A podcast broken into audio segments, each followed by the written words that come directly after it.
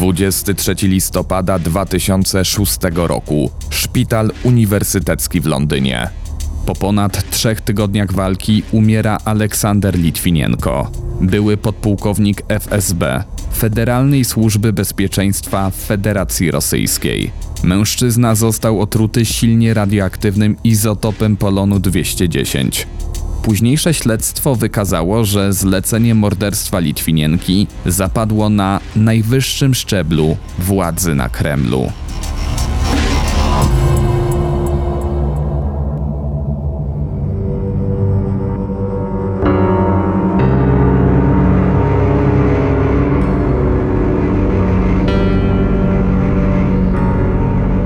Opowiem Ci historię. Kamil Barnowski. Zapraszam.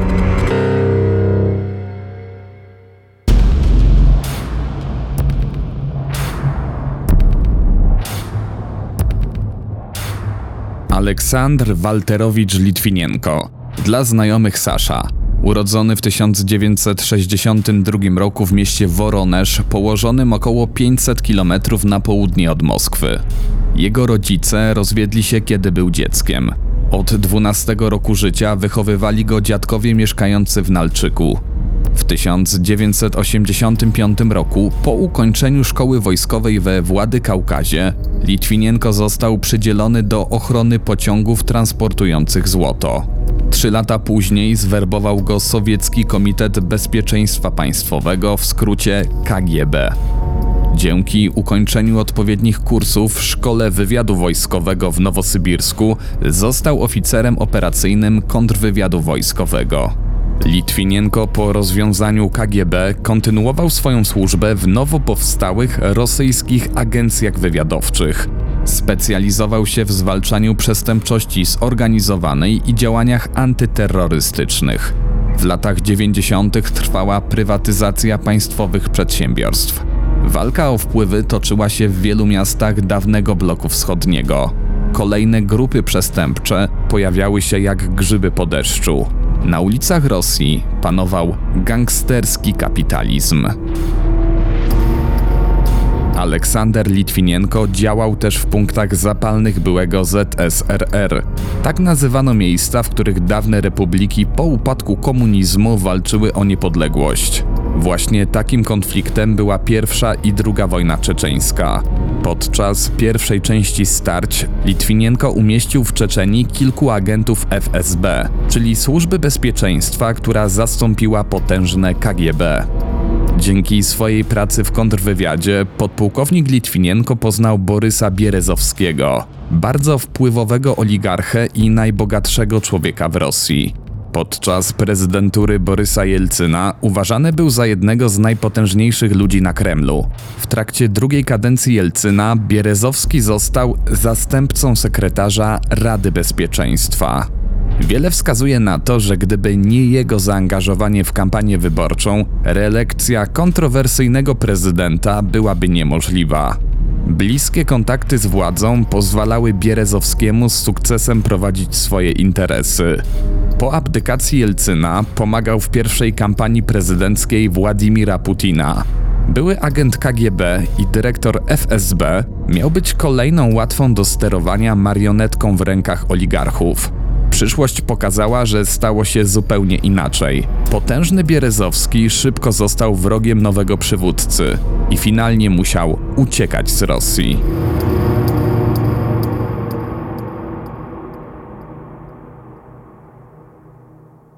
Wracając do relacji Litwinienki z Bierezowskim.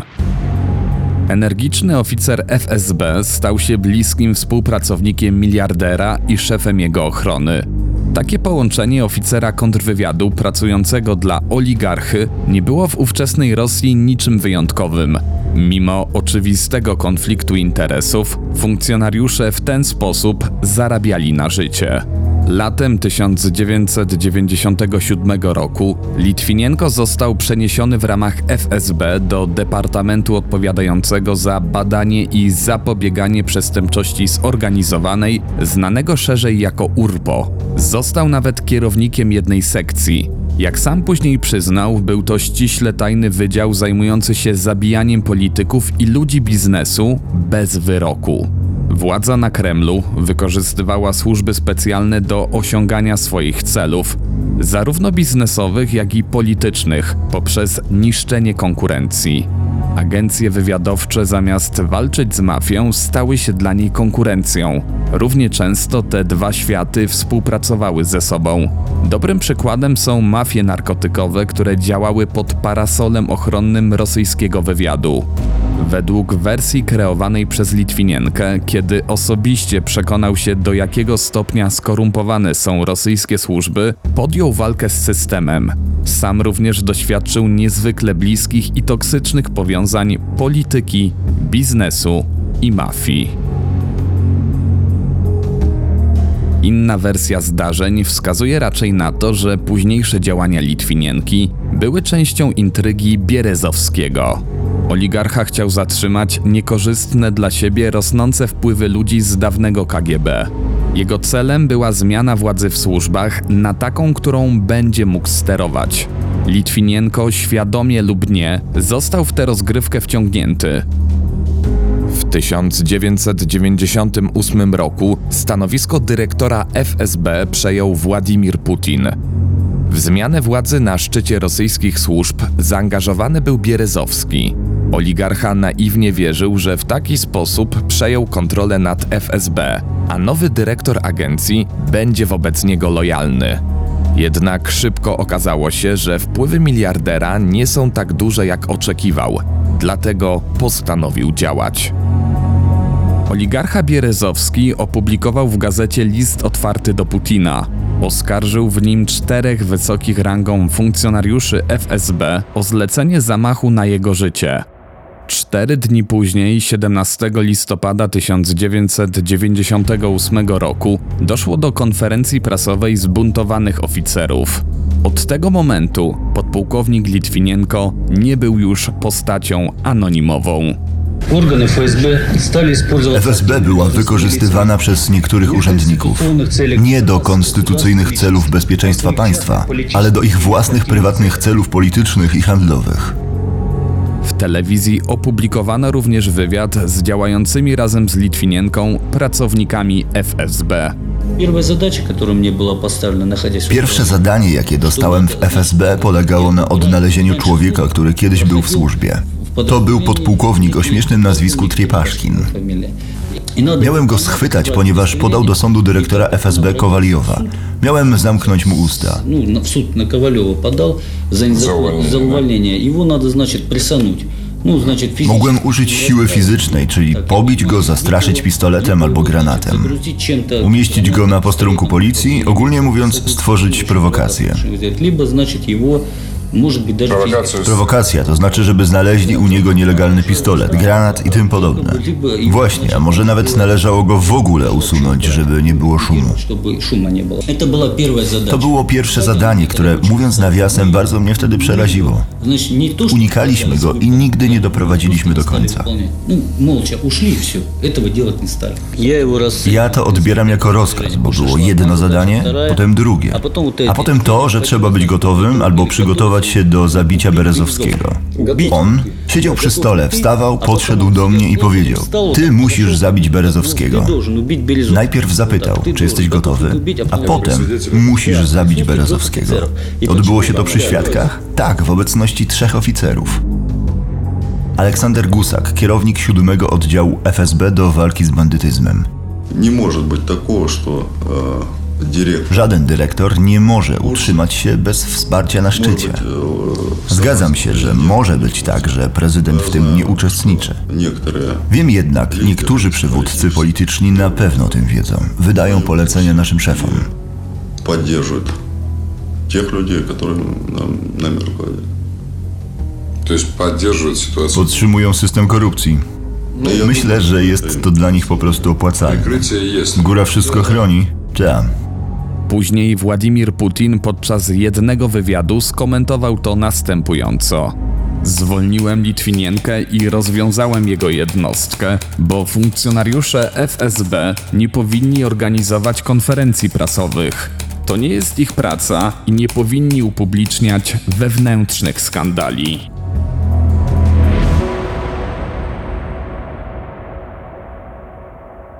Działania podpułkownika Litwinienki spowodowały, że mężczyzna stał się celem zemsty dawnych znajomych.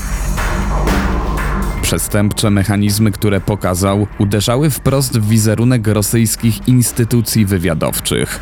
Było jasne, że nie ujdzie mu to płazem. Zwłaszcza, że w odpowiedzi na jego informacje nie doszło do rewolucji w szeregach FSB, na którą tak mocno liczył Bierezowski. W marcu 1999 roku Litwinienko został aresztowany pod zarzutem przekroczenia uprawnień. Mimo uniewinnienia, jeszcze na sali sądowej ponownie go aresztowano. W sumie spędził w więzieniu prawie 9 miesięcy. Po wyjściu na wolność musiał zobowiązać się do tego, że nie wyjedzie z kraju. Było pewne, że prędzej czy później Litwinienko znów trafi za kratki. Nie widząc innej alternatywy, postanowił uciec. Jak wspominał później, zrobił to, aby chronić żonę i syna. Pierwszym celem jego emigracji była Gruzja, a kolejnym Turcja. W obu krajach poprzez ambasady USA bezskutecznie starał się o azyl polityczny. Następnie szansy na wolność szukał w Wielkiej Brytanii. To właśnie tam 1 listopada 2000 roku wylądował na płycie lotniska Heathrow w Londynie. Kilka miesięcy później otrzymał status uchodźcy politycznego. Mimo tego, że Aleksandrowi Litwinience udało się uciec, władza w Rosji absolutnie nie zapomniała o swoim obywatelu. Wysuwano wobec niego następne oskarżenia, toczyły się kolejne procesy. Mężczyzna, co oczywiste, nie pojawiał się na sali sądowej w ojczyźnie, bo skutkowałoby to natychmiastowym aresztowaniem. W końcu w 2002 roku został skazany na ponad 3,5 roku więzienia za nadużycia kompetencji i nielegalny zakup broni. Litwinienko, wykorzystując swoje doświadczenia, został doradcą brytyjskich agencji wywiadowczych na kierunku rosyjskim. W późniejszym okresie zajmował się tworzeniem raportów ryzyka biznesowego. Współpracował również z Bierezowskim, który też znalazł się w Londynie. Prowadził spokojne życie. Mieszkał w północnej części angielskiej stolicy. Aleksander Litwinienko musiał mieć się na baczności. Dla Władimira Putina, swojego szefa z czasów FSB, który w międzyczasie został głową państwa, Litwinienko był zdrajcą. Zwłaszcza, że na emigracji jego retoryka wobec prezydenta znacząco się zaostrzyła. Mężczyzna był współautorem kilku książek, w tym prawdopodobnie najpopularniejszej pod tytułem Wysadzić Rosję. Litwinienko twierdził, że zamachy bombowe z września 1999 roku w Moskwie, Bujnaksku i Wołgodońsku, w których zginęło ponad 300 osób, a około 1000 zostało rannych, nie były dziełem czeczeńskich terrorystów. Według jego informacji ładunki podłożyło FSB. Prowokacje rosyjskich służb miały pomóc we wzmożeniu nastrojów antyczeczeńskich. W efekcie stały się one pretekstem do rozpoczęcia II wojny czeczeńskiej. Brutalne zamachy pomogły w budowaniu poparcia i przejęcia w przyszłości pełnej władzy przez Putina. Litwinienko zarzucał rosyjskim służbom finansowanie i szkolenie organizacji terrorystycznych na całym świecie. Oskarżył FSB o zorganizowanie zamachu na szkołę w Biesłanie, atak na moskiewski teatr w 2002 roku, połączenia z Al-Kaidą i wiele innych zamachów terrorystycznych. Obwiniał Władimira Putina o zlecenie zabójstwa Anny Politkowskiej, rosyjskiej dziennikarki, która opisywała nadużycia władzy na Kremlu, zwłaszcza te związane z wojną w Czeczenii. Politkowska została zastrzelona w windzie w bloku, w którym mieszkała w centrum Moskwy. Lista zarzutów Litwinienki wobec Putina jest naprawdę długa. Były oficer FSB Michał Trepaszkin poinformował w 2002 roku, że rosyjskie służby powołały specjalny zespół, którego celem miała być likwidacja Litwinienki. W internecie dostępny jest nawet film ze szkoleń rosyjskich wojsk specjalnych. Można na nim dostrzec strzelających do celów żołnierzy. Na tarczy, do której mierzą, znajduje się właśnie podobizna Aleksandra Litwinienki.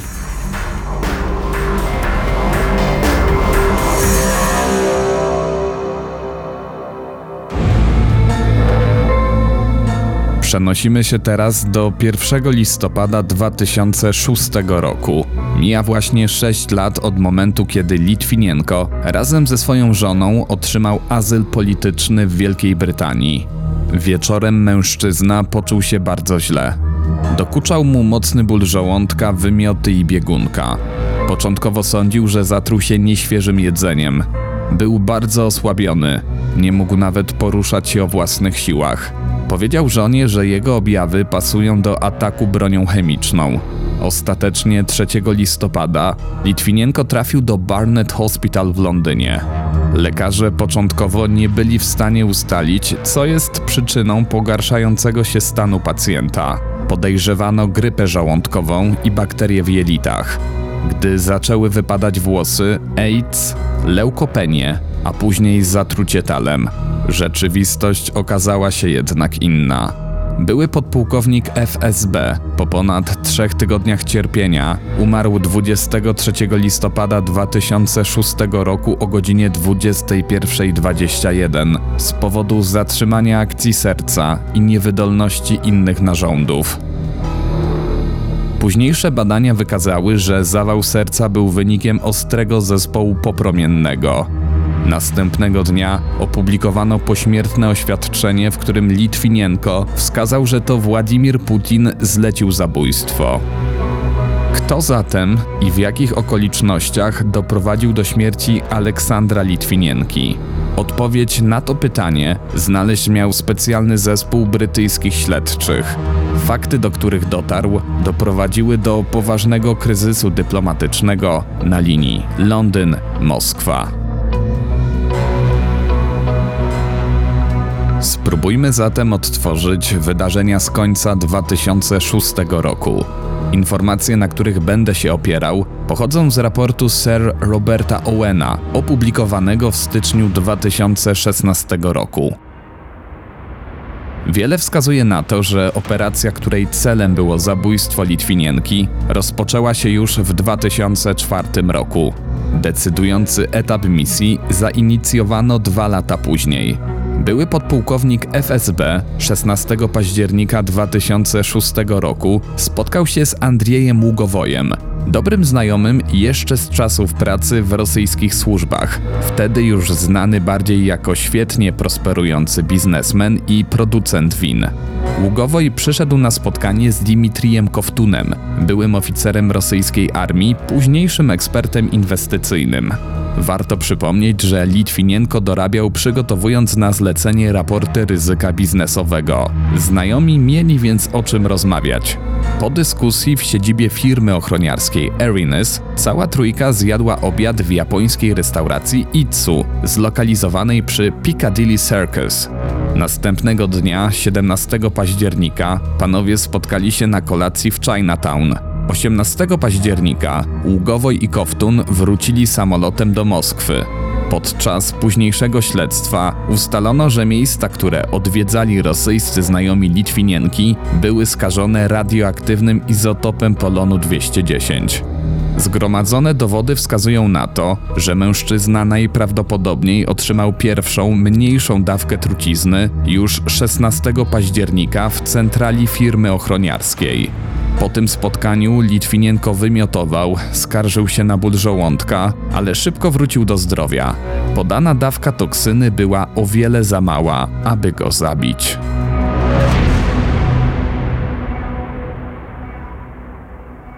Izotop polonu 210 to trucizna idealna. Dużo bardziej toksyczna od cyjanowodoru. Relatywnie szybko znika z organizmu. Jest łatwa w transporcie, nie wykrywają jej bramki stosowane na przejściach granicznych. Polon 210 podany do ust nie jest silnie trujący, nie przenika natomiast przez skórę. Na działanie tej trucizny najbardziej narażone są tkanki, które szybko się dzielą, na przykład szpik kostny, nabłonek jelit czy płuca. 26 października nastąpiła kolejna wizyta Andrieja Ługowoja w Wielkiej Brytanii.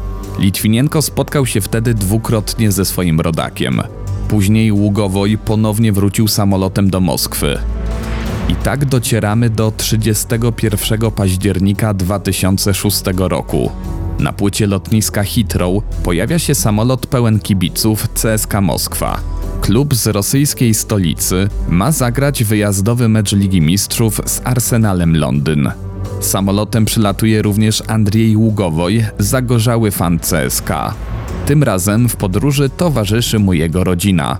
Mężczyzna w hotelu Millennium zarezerwował trzy pokoje: numer 101, 382 i 441. Około 21 Rosjanin zadzwonił do Litwinienki. Rozmowa trwała 6 minut. Najprawdopodobniej wtedy Ługowoj zaproponował spotkanie. Dmitrij Koftun dotarł do Londynu z Hamburga linią Germanwings następnego dnia, 1 listopada o 7.25. Godzinę później był już w hotelu Millennium. Dzielił tam pokój numer 382.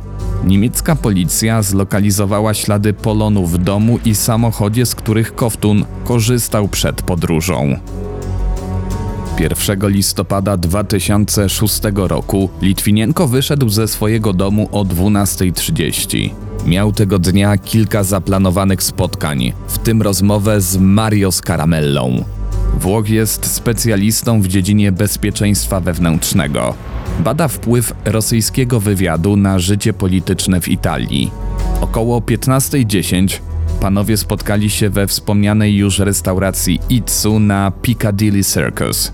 Scaramella chciał podzielić się informacjami, które uzyskał od swojego informatora Jewgenija Limarewa. Limarew twierdził, że rosyjskie służby stworzyły listę wrogów, którzy muszą zostać wyeliminowani. Znajdowali się na niej m.in. Litwinienko, Borys Bierezowski i zabita w październiku 2006 roku rosyjska dziennikarka Anna Politkowska. Cele miały zostać zastrzelone lub otrute radioaktywną substancją. Niebezpieczeństwo groziło również Scaramelli, który przekazał dokumenty mogące zawierać nazwisko potencjalnego mordercy Politkowskiej. Później właśnie to spotkanie skierowało podejrzenie otrucia Litwinienki na Mario Scaramelle. Okazało się, że całkowicie niesłusznie. Jednak całe zamieszanie było Moskwie wybitnie na rękę. Około 16, pół godziny po rozmowie z Włochem, Litwinienko pojawił się w hotelu Millennium. Planowo do spotkania miało dojść następnego dnia, jednak z jakiegoś powodu Ługowoj zmienił zdanie i nalegał, żeby zobaczyli się wcześniej. Ługowoj i Koftun siedzieli w hotelowym barze, gdy Litwinienko dotarł na miejsce. Na stoliku czekał już czajniczek z zieloną herbatą. Podczas rozmowy mężczyzna wypił kilka łyków naparu. Jak później przyznał, napój nie przypadł mu do gustu. Herbata była zimna i bez cukru. Odczyty skażenia na filiżance, czajniczku i stole, przy którym siedział Litwinienko, były ekstremalnie wysokie. Mężczyzna ponownie został otruty izotopem polonu 210. Substancja została podana w herbacie. Stężenie trucizny tym razem było śmiertelne. Około 16.30 niczego nieświadomy Litwinienko wyszedł z hotelu. 2 listopada zadzwonił do Ługowoja. Przekazał, że czuje się fatalnie i nie zdoła pojawić się na zaplanowanym spotkaniu. 3 listopada współpracownik FSB wrócił samolotem do Moskwy. Tymczasem stan chorego pogarszał się dramatycznie. Tak naprawdę dopiero trzy godziny przed śmiercią Litwinienki wykryto w jego krwi i moczu promieniowanie alfa. W jego organizmie znalazło się w sumie 4,4 gigabekereli polonu 210, czyli znacznie więcej niż wynosi śmiertelna dawka tej trucizny. Organy wewnętrzne mężczyzny były całkowicie zniszczone radioaktywną substancją.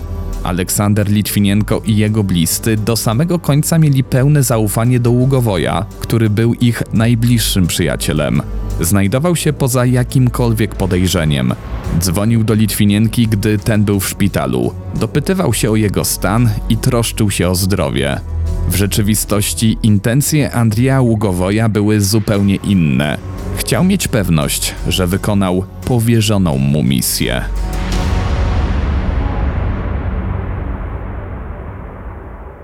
Dzień po śmierci Litwinienki na konferencji prasowej w Helsinkach głos w tej sprawie zabrał Władimir Putin.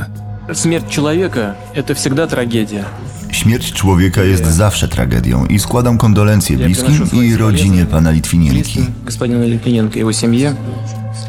Между тем, насколько мне известно, Tymczasem, o ile mi wiadomo, w raporcie medycznym brytyjskich lekarzy nie ma żadnej informacji, że była to gwałtowna śmierć. Nie ma więc podstaw do spekulacji tego rodzaju. Pan Litwinienko niestety nie jest łazarzem. Szkoda, że nawet tak tragiczne wydarzenie jak śmierć człowieka jest wykorzystywane do politycznych prowokacji. Pogrzeb odbył się dwa tygodnie po śmierci Aleksandra Litwinienki, 7 grudnia 2006 roku na londyńskim cmentarzu Highgate. Ciało stwarzało poważne zagrożenie dla otoczenia. Zespół patologów przeprowadzający wcześniej sekcję zwłok musiał być ubrany w specjalne kombinezony ochronne. Hermetyczna trumna, w której pochowano mężczyznę, została wykonana z tworzywa zatrzymującego promieniowanie alfa. Ze względów bezpieczeństwa ciało Litwinienki może zostać skremowane najwcześniej w 2034 roku. Dopiero wtedy szkodliwe promieniowanie radioaktywne będzie zneutralizowane. Polon okazał się śmiertelną trucizną, ale dzięki emitowanemu promieniowaniu możliwa była lokalizacja miejsc, po których poruszał się Litwinienko i jego oprawcy. Ustalono dokładną chronologię wydarzeń. W samym Londynie znaleziono ponad 50 skażonych stref, w tym również siedzenia na stadionie Arsenalu Londyn, gdzie Ługowoj i Koftun oglądali mecz CSKA Moskwa. Polon wykorzystany do zabójstwa Litwinienki powstał w reaktorze jądrowym, najprawdopodobniej w fabryce Avangard położonej w rosyjskim mieście Sarow. Wydaje się, że Ługowoj i Koftun nie wiedzieli, czym jest substancja, którą otruli Litwinienkę. Tłumaczy to, dlaczego narażali zdrowie swoich bliskich na poważny uszczerbek. Ługowoj zachęcał swojego syna, aby podał rękę Litwinience. Miało to miejsce zaraz po spotkaniu, na którym jego dawny przyjaciel został śmiertelnie otruty. Współpracownicy FSB nie wiedzieli też do końca, jak posługiwać się trucizną. Nie ubierali odpowiedniej odzieży ochronnej, dlatego sami cierpieli później na chorobę popromienną. Najprawdopodobniej sprawa Litwinienki nie potoczyła się tak, jak planowali zleceniodawcy. Były podpułkownik FSB miał zginąć z powodu zatrucia nieustaloną substancją. Wszystko bez śladów podejrzanych i potencjalnych kłopotów. Jednak wykrycie trucizny całkowicie zmieniło losy śledztwa. Stało się jasne, że wszystkie tropy w tej sprawie prowadzą do Moskwy Czołowi politycy stanowczo zaprzeczali, aby Rosja miała cokolwiek wspólnego ze śmiercią Litwinienki. Oto wypowiedź ministra spraw zagranicznych. Влияние ощущается. Skutki są odczuwalne sprawy Litwinienki, bo ze strony brytyjskiej widzimy próbę stworzenia sprawy karnej i potrzebę wykorzystania profesjonalnego śledztwa do budowania kampanii politycznej. Jesteśmy temu przeciwni i odpowiednie organy ścigania powinny się tym zająć. Rosyjskie władze, powołując się na zapisy konstytucji, nie zgodziły się na ekstradycję zabójców do Wielkiej Brytanii. Rozpoczęła się medialna przepychanka. Ługowoj oskarżył brytyjskie służby i Borysa Bierezowskiego o morderstwo Litwinienki. Trudno nie pomyśleć, że Litwinienko został agentem, który wymknął się spod kontroli brytyjskich służb specjalnych i został zlikwidowany. Szczególnie one, brytyjskie służby specjalne, były zainteresowane możliwościami zdobycia informacji o pracy FSB na tzw. Tak kierunku brytyjskim. Brytyjczycy zaczęli mnie otwarcie werbować jako agenta brytyjskiego wywiadu. Brytyjczycy poprosili mnie o zebranie kompromitujących informacji na temat prezydenta Putina i członków jego rodziny. Sasza Litwinienko nie był moim wrogiem. Byłem całkowicie obojętny na to, co robił w Londynie, jakie pisał książki i kogo krytykował. W odpowiedzi na pańskie pytanie, czy zabiłem Litwinienkę, z otwartymi oczami i umysłem oświadczam, nie, nie zabiłem. Ługowoj na fali popularności związanej z tą sprawą w 2007 roku z powodzeniem wystartował w wyborach do rosyjskiej Dumy. Aktualnie dalej zajmuje się polityką i cieszy się poparciem samego prezydenta. Został odznaczony z rąk Putina za zasługi dla ojczyzny. Media podległe Kremlowi próbowały oczerniać Litwinienkę. Sugerowały, że mógł sam się otruć, konstruując brudną bombę dla Czeczenów. Co ciekawe, w zachodnich gazetach również pojawiały się artykuły, z których przebijała się propaganda Kremla.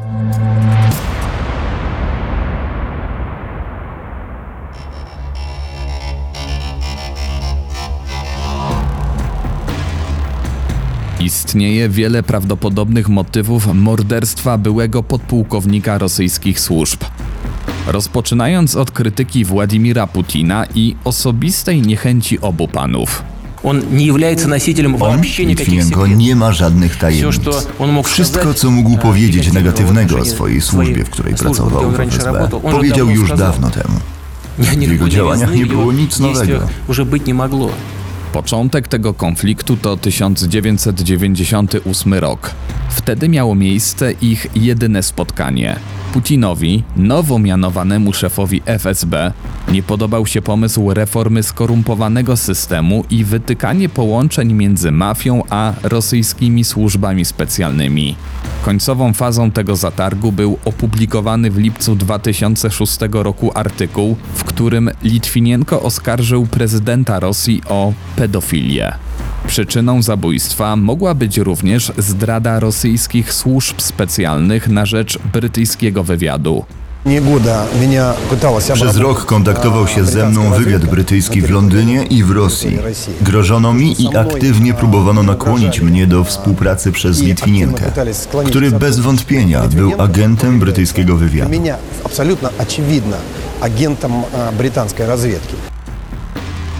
Wspominałem już, że Litwinienko w swoich książkach zarzucał władzy na Kremlu przeprowadzenie zamachów bombowych na rosyjskie bloki mieszkalne w 1999 roku. Oczywiście podpadł też przez współpracę z Borysem Bierezowskim i Ahmedem Zakajewem, otwartymi krytykami moskiewskich elit.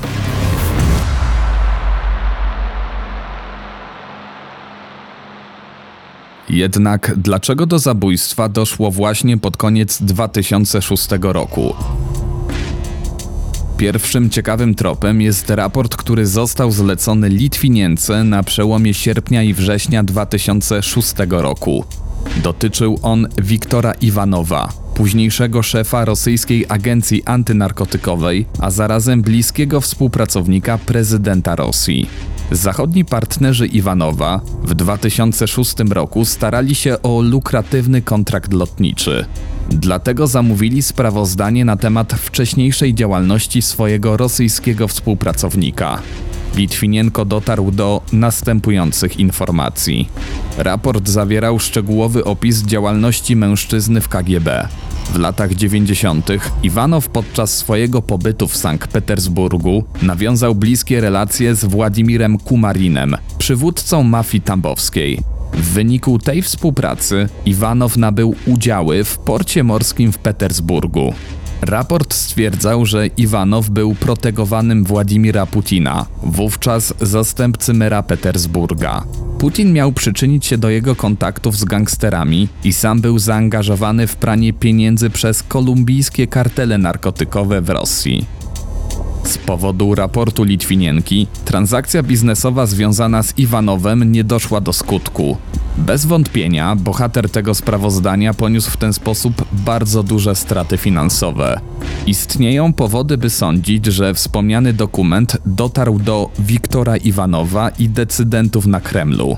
Ze zgromadzonych dowodów wynika, że wgląd do sprawozdania na pewno miał późniejszy kat Litwinienki, Andrzej Ługowoj. Dostępne poszlaki mogą sugerować, że opracowany raport był impulsem do zdecydowanego przyspieszenia eliminacji Litwinienki.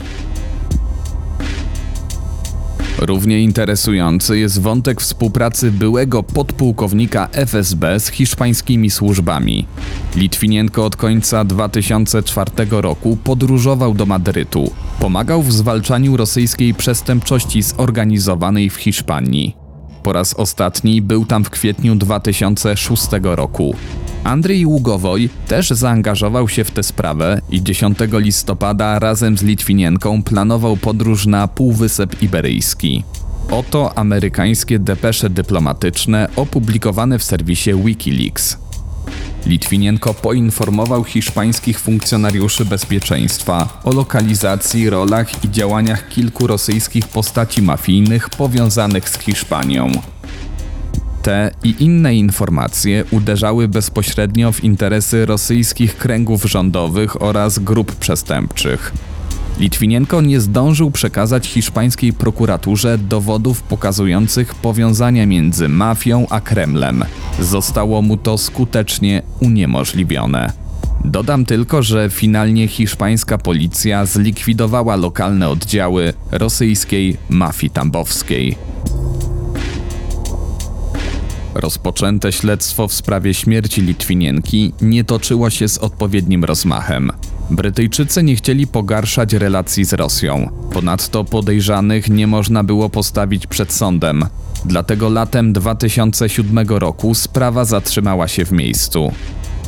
Postępowanie nabrało tempa dopiero w 2014 roku, po rosyjskiej inwazji na Ukrainę.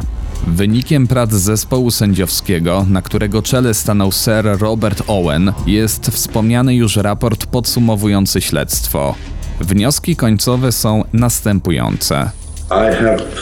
Doszedłem do wniosku, że operacja FSB mająca na celu zabicie pana Litwinienkę została prawdopodobnie zatwierdzona przez pana Petruszewa, ówczesnego szefa FSB.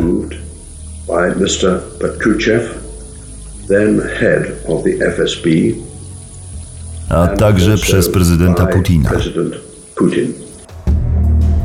Rosyjski rząd odrzucił ustalenia zawarte w raporcie Owena. Ich zdaniem brytyjskie śledztwo było nieprzejrzyste i zostało upolitycznione. Mimo tego, że winni śmierci Litwinienki nie trafili do więzienia, wyniki postępowania są niezwykle ważne dla bliskich zamordowanego. Świat po raz kolejny przekonał się, w jaki sposób niszczeni są ludzie, którzy sprzeciwiają się władzy na Kremlu. Całkiem niedawno, we wrześniu 2021 roku, Europejski Trybunał Praw Człowieka uznał, że Rosja jest odpowiedzialna za zabójstwo Aleksandra Litwinienki. Rozumiem, że oficer służby bezpieczeństwa nie powinien udzielać wywiadów ani wypowiadać się w telewizji. Cóż, teraz rozumiem, że nadchodzi czas. Nie boję się o swoje życie, nigdy tego nie robiłem. Gdybym się bał, nie robiłbym tego, co teraz robię. Boję się o życie mojej żony, mojego dziecka. Ponadto rozumiem, że nawet jeśli zabiją mnie, moją żonę i dziecko, oni nie przestaną. Jeśli ci ludzie nie zostaną teraz powstrzymani, to bezprawie opanuje cały kraj. To będzie straszniejsze niż 1937 rok.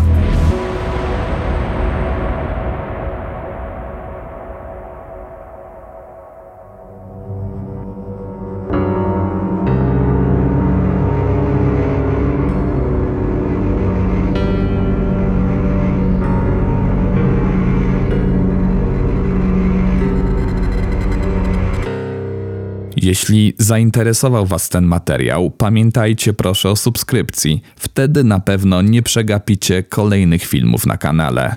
Zapraszam Was również do grupy dyskusyjnej na Facebooku o nazwie Opowiadacze Historii. Tam publikowane są dodatkowe materiały na temat poruszanych spraw.